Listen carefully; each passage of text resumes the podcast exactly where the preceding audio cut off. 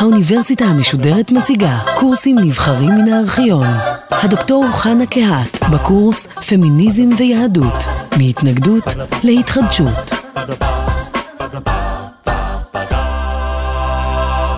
בהרצאה הקודמת דיברנו על הדרת הנשים מן המרחב הגיאוגרפי הציבורי. כיום נדבר על ההדר, ההדרה של נשים מייצוגי הזמנים המקודשים. חיי היהודים עמוסים בפעילות רוחנית דתית ובייצוגים דתיים. במרחב הפרטי, במרחב הציבורי. היהודי קם בבוקר, יש לו את ברכות השחר, תפילה שלוש פעמים ביום, הנחת תפילין, הוא לובש ציצית, הוא חוגג שבת, חגים, ימים נוראים, טקסי חיים ועוד ועוד. בעצם היהדות מתלבשת על הפרט בכל המעגלים, במעגל היומי, במעגל השבועי, במעגל החודשי ובמעגל השנתי. נשים, הן נמצאות ולא נמצאות בתוך המעגלים האלה. הן מחויבות בכל מצוות לא תעשה. לא תרצח, לא תגנוב, לא תנאף. כביכול התקבל שברור שנשים כלולות בכל מצוות לא תעשה. במצוות עשה שאינן תלויות בזמן, שהן בדרך כלל מצוות שבין אדם לחברו, כמו חסד, צדקה, לדבר אמת. גם כן, הנחת היסוד היא שנשים חייבות בהן לא פחות מאשר גבר, וכפי שראינו כבר, נעשו אה, מאמצים להכיל אותן ולחייב אותן בכל המצוות האלה. השווה כתוב בין איש ואישה לכל הדינים. מה נשים לא עושות? בעיקר מצוות עשה שתלויות בזמן, מצוות עשה שהזמן גרמה. גם כאן יש כמות גדולה של מצוות שהן עדיין בכל זאת מחויבות, כי הן מצוות בסיסיות. נשים הוכלו במצוות השבת, במצוות הקל, בקורבן פסח, למרות שהן תלויות בזמן. בכל אופן, אם אנחנו מסתכלים בחיי היומיום, הן אינן כלולות באותו ייצוג שמצוות העשה שהזמן גרמן יוצר, הייצוג היומיומי, הייצוג השוטף. הן לא שותפות לחוויה הזורמת של החיים היהודיים. הן לא חלק מן המניין, מן העדה, הן פטורות מהתפילה בציבור. הן לא מניחות תפילין, הן לא חייבות בשופר, הן לא חייבות בסוכה, הן לא חייבות אפילו בקריאת שמע. גם בשבת הן חייבות לשמור שבת, הן לא חייבות ללכת לתפילה בשבת, לא לקרוא בתורה, לא לעלות לתורה.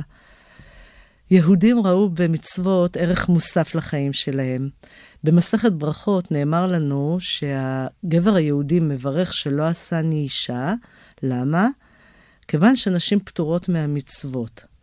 הוא מברך על המצוות. ונשים הרגישו שהזכות הזו ניטלה מהם. אני רוצה לשתף אתכם שיחה שמתוארת אצל הרב ברוך אפשטיין, זיכרונו לברכה, הוא היה אחיין של הנציב מוולוז'ין, שהיה ראש ישיבת וולוז'ין לאורך המחצית השנייה של המאה ה-19. אשתו של הנציב, רבי נפתלי צבי יהודה ברלין, שהיה ראש הישיבה, הייתה רינה בתיה. היא הייתה אישה למדנית. ישבה בביתה ולמדה וידעה את כל. את כל התלמוד, ו... והייתה מאוד מאוד מאוד מרירה על כך. הוא היה ילד קטן, רבי ברוך אפשטיין, שהיה בא לביתם כבן בית, ומסכנה, בבדידותה לא היה לריינה בתיה עם מי לדבר רק איתו. והוא מתעד את השיחות האלו בספרו מקור ברוך. והוא מתאר את המרירות הגדולה ואת הכאב הגדול, והוא מתאר את ה... קנאה גדולה שהיא רכשה לגברים על זה שיש להם רמ"ח מצוות, כן? 248 מצוות, ככה המסורת היהודית, ואנחנו הנשים מסכנות רק שלוש מצוות. ובמיוחד, הוא כותב, כאב לה הלב על פגיעה וחילול כבודן של הנשים שפטרו אותן מלימוד תורה.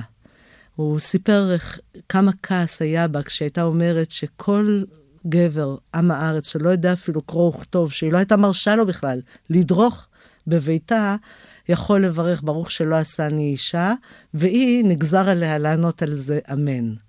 המרירות הזאת מאפיינת היום הרבה נשים. התחושה הזאת שהפטור הזה בעצם מקפח אותן.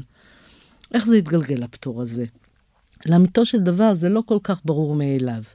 אנחנו מוצאים את זה לראשונה בדיון במשנה ובספרי, שהוא מדרש הלכה, סביב הדיון על מצוות ציצית, כשחכמים כותבים שנשים חייבות במצוות ציצית, אבל רבי שמעון, רבי שמעון בר יוחאי, אומר שנשים פטורות ממצוות ציצית, שכך אמר רבי שמעון, כל מצוות עשה שהזמן גרמה, אנשים חייבים ונשים פטורות. נשים אינן חייבות ב, ב, בכך. האמירה הזאת, שיש כאלה שחושבים שזאת דעת יחיד של רבי שמעון, הפכה להיות הדעה המקובלת. ובסופו של דבר גם פטרו את הנשים מציצית ומכל יתר מצוות עשה שהזמן גרמה, וזה הופך להיות מונח קבוע ומקובל בתלמוד בכל המסכתות. ובכל זאת, אם נשים רוצות לקיים את המצוות, לפי רוב הדעות הן יכולות, מותר להן. זה שהן פטורות לא אומר שאסור להן, למרות שיש גם דעות כאלה, זה מחלוקת של אמוראים, אך נפסק להלכה שהן יכולות, וכך פסק הרמב"ם, וכך פסק השולחן ערוך, הן יכולות לקיים ואין בכך שום עבירה של הוספת מצווה, כי הרי בתורה נאמר לא תוסיף ולא תגרע, אבל הפטור הזה לא נתפס כתוספת מצווה, אלא כהתקללות בתוך הכלל. ונשים באמת בחרו וקיבלו על עצמן הרבה מצוות. שאלה הלכתית נוספת שקשורה לשאלה של מצוות עשה שהזמן גרמה, אם נשים מותר להן לברך על המצווה, שהרי אנחנו מברכים לפני כל מצווה שאנחנו מקיימים, כמו אשר קידשנו במצוותיו וציוונו להדליק נר של חנוכה, ואז מדליקים. והיו כאלה שאמרו שכיוון שנשים, כמו הרמב"ם, שכיוון שנשים אינן מצוות, הן לא יכולות לומר אשר קידשנו במצוותיו. אולם חכמי אשכנז, רבנו תם, ועוד סברו שהדבר לא נכון. וברגע שנשים מכניסות את עצמן לכלל, הן מחויבות לברך כמו הגברים, כי המצווה לא ניתנה דווקא לגברים. נשים קיבלו פטור, אבל ברגע שהן מקיימות, הן כן צריכות לברך. עד היום קיימת מחלוקת, והרב עובדיה יוסף טוען שנשים אסור להן לברך, גם אם הן מקיימות את המצווה, גם אם הן יושבות בסוכה, גם אם הן שומעות שופר, גם אם הן קוראות במגילה, או מדליקות נר חנוכה, שלא יברכו. לעומתו, כל יתר הרבנים פוסקים שכן, תברכנה הנשים כשהן מקיימות מצוות. ישנה גישה שלישית של המגן אברהם מהמאה ה-17, שאם נשים קיבלו על עצמן לקיים מצווה, כמו לספור ספירת העומר, הן מתחייבות בכך, ובעצם הן קיבלו על עצמן, זה כבר הופך לחובה. אה, מבחינה זאת, נשים למשל היום אולי חייבות כן לקיים מצוות מסוימות, כמו אה, לשמוע שופר או לתקוע בשופר, לשבת בסוכה, כן התחייבו וקיבלו על עצמם במהלך הדורות. מדוע נשים אה, נפטרו מהמצוות? למה פטרו אותן מהחובה הזאת? אה, יש גישה שהרמב"ם מייצג אותה, שטוענת שנשים, כיוון שהן שונות מהותית, הדרגה שלהן נמוכה יותר, הן פחות קדושות, פחות מקודשות, אז הן פחות חייבות במצוות. אה, זאת גישה מהותנית, זאת גישה שרואה הבדל מגדרי באופן מהותני, ושוללת בעצם את האפשרות של שוויון ערך של נשים לגברים. אבל זאת גישה שלא התקבלה. הגישה היותר נפוצה היא גישתו של רבי דוד אבודרהם, שטען שכיוון שנשים כפופות לבעליהן, כיוון שמשועבדות לבעליהן, יכולה להיווצר התנגשות. בלשון היפה של האבו דרהם, שהוא אומר, אוי לה מבעלה, אוי לה מיוצרה. אם היא הייתה מחויבת גם במצוות עשה שהזמן גרמה, וגם מחויבת לבעלה בגלל מצוות הפטריארכיה שבתוכה היא חיה, אז הנה היא צריכה לעשות מצווה שאלוהים ציווה אותה, ואז בעלה כועס עליה, אז אוי לה מבעלה. ואם היא עושה את רצון בעלה ולא עושה את רצון האל, אז אוי לה מיוצרה. אז כביכול אלוהים ויתר לה לטובת שלום בית, וויתר על זה שהיא תקיים מצוות עשה שהזמן גרמה. סיבה שלישית היא מציאותית. חלק גדול ממצוות עשה שהזמן גרמה תלוי במניין. מניין זה קבוצה של עשרה גברים. המניין, הערך שלו הוא בגלל שנאמר, שנג... ונקדשתי בתוך בני ישראל. מכאן חכמים למדו שכל דבר שבקדושה צריך שייעשה בתוך בני ישראל, בתוך קהל הדת ישראל. כי ברוב עם הדרת מלך. אין דומה תפילה פרטית בצנעה לתפילה בציבור. כל טקס זקוק לציבור. והתקבל להלכה שמניין או עדה אלו עשרה גברים ולא נשים. הקביעה הזאת, המסורת הזאת, שהיא גם מסורת הלכתית, קשה מאוד היום לנשים, פוגעת מאוד. בלו גרינבק בספרה נשים ויהדות מתארת את העלבון הגדול שהיא חווה כל פעם שהיא מגיעה בשבת בבוקר לבית הכנסת, כאשר חסרים גברים למניין. לפעמים חסר רק אחד, עשירי למניין. ונפתחת הדלת והיא נכנסת, אישה חשובה, מלומדת, משכילה, והיא רואה את האכזבה הקשה בעיני הגברים, בעיני הקהל, כי היא לא יכולה למלא את הצורך של להשלים עניין. לעומת זאת, ייכנס ילד בן 13 ויום, אה, ואורו פניהם של הגברים, כי הנה יש כבר מניין. הפגיעות הגדולה של להרגיש שאין לך את היכולת למלא את הפונקציה של להיות חלק מעדת האל, היא פגיעות קשה, ונשים היום חוות את זה כעלבון. אה, זה היה הגורם גם שהרבה נשים פשוט קמו ואמרו, אוקיי, אז אנחנו נקים קבוצות תפילה, נשים בצד, נניח בצד את העניין ההלכתי של מניין, ונתפלל, נעשה רוב עם של נשים, ברוב עם הדרת מלך, ונתפלל אנחנו הנשים לבד, ללא תחושת הפגיעות הזאת, שאין לנו ערך בתוך הקהל היהודי כמניין. ישנן אה, גישות אחרות היום של נשים פמיניסטיות. חנה ספראי ניסתה במאמר מחקרי להוכיח שהמושג עדה הוא מושג שהכיל גם נשים. קהל הדת השם בתורה, יש לו משמעות שכולל גם נשים, את כל עם ישראל. ישנם מקרים אה, שהקהל הוא נשים. היא מביאה דוגמה מאוד יפה, כשהחכמים דנים במקרה נדיר של עיר, שכול, עיר של כהנים, שכולם כהנים. יש לנו בתפילה את אה, טקס ברכת הכהנים. ברכת הכהנים יכולה להתקיים רק כשיש ציבור. הכהנים מברכים את הקהל. והחכמים שואלים, איך הכהנים, הם כולם כהנים, יכולים לברך אם אין קהל?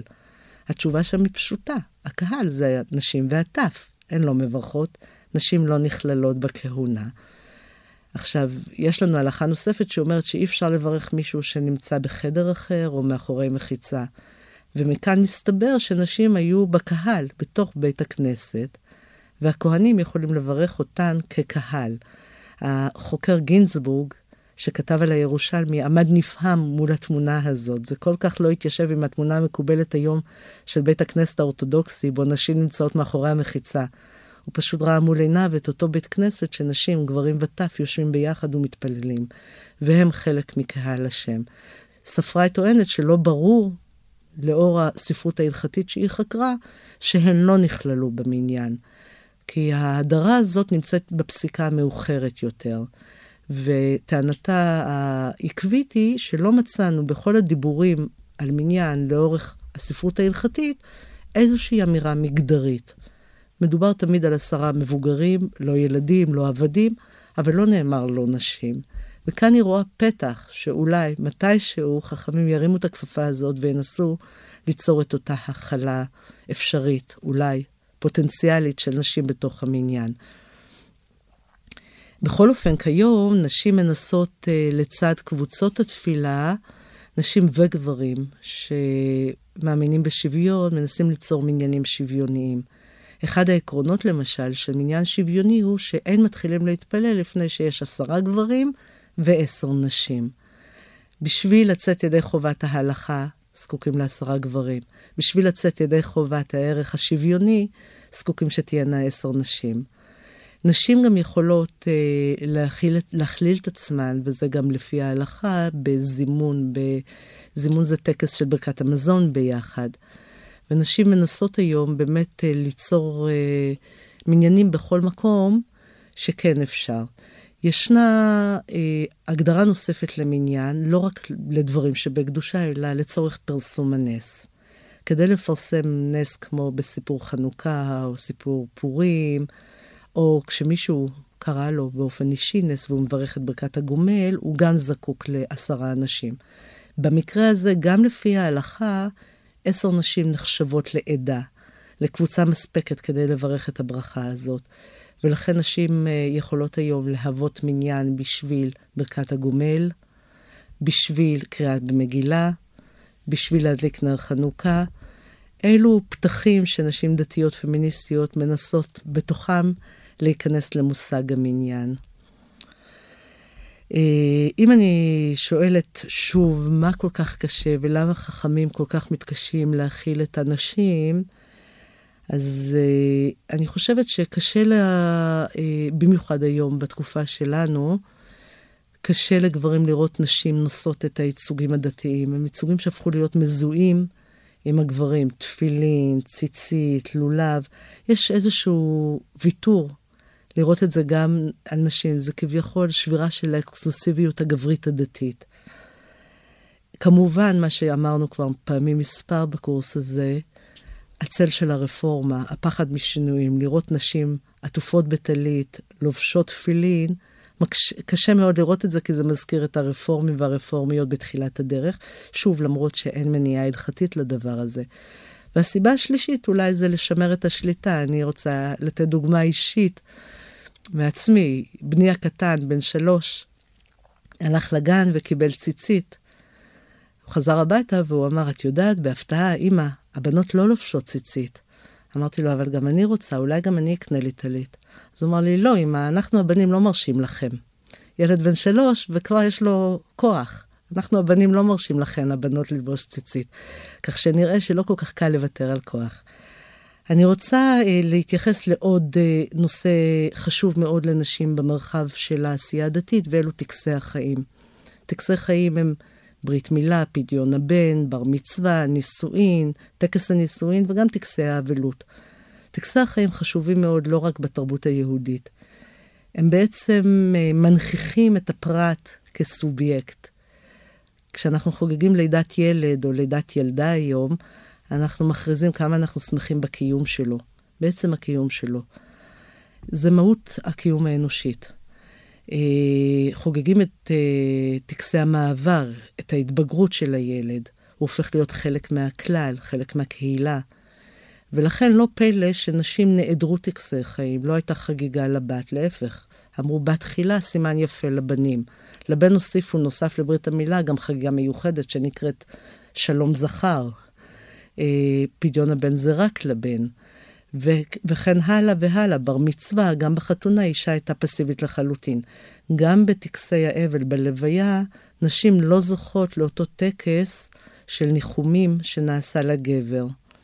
כיום נשים עסוקות הרבה מאוד ביצירה מחודשת של אותם טקסי חיים. זבד הבת, בת מצווה, נשים מנסות לעצב את הנישואים שלהם, שיהיה להם חלק פעיל בתוכו, וגם בטקסי האבלות. לקחת חלק באמירת קדיש, ולזכות לאותה לגיטימציה לבטא את הרגשות שלהן, בדיוק כמו שניתנה לגברים בטקסי החיים שלהן. מכל הטקסים האלה אני רוצה לציין במיוחד את החשיבות של טקס הבר מצווה והבת מצווה. זה הטקס היחיד שהמתבגר או המתבגרת הם לא פסיביים, הם אקטיביים, הם צריכים גם לעבור איזשהו מבחן התבגרות ולהוכיח את בגרותם. נוסף לכך, בקהילה הדתית יש משמעות של ההתבגרות הזאת בכך שהמתבגר הופך להיות חלק מהקהילה. למחרת הבר מצווה הוא יכול להשלים עניין, לעבור לפני הקהל כשליח ציבור, לעלות לתורה. במקום הזה עדיין חסר לנו, הנשים הדתיות, את הביטוי של ההתבגרות של הנערה. נכון, חוגגים לטקס בת מצווה, היא אומרת דרשה, יכול להיות גם שהיא קוראת בתורה. אנחנו עוד לא הצלחנו לעצב את אותה מסגרת שהתחיל להרגיש שהיא חלק מהקהל, חלק מה, מהדת, הדת האל. במניינים שוויוניים הדבר יותר אפשרי, כי היא יכולה להתחיל לעלות לתורה. היא יכולה להתחיל להגיד כל מיני דברים שאומרים שם שאינם בדיוק דברים שבקדושה. בחברה הכללית האורתודוקסית, עדיין בתחום הזה קיימת אפליה כלפי הבת, ואנחנו צריכים לחשוב איך לתקן את זה. לתקן את זה. לתקן.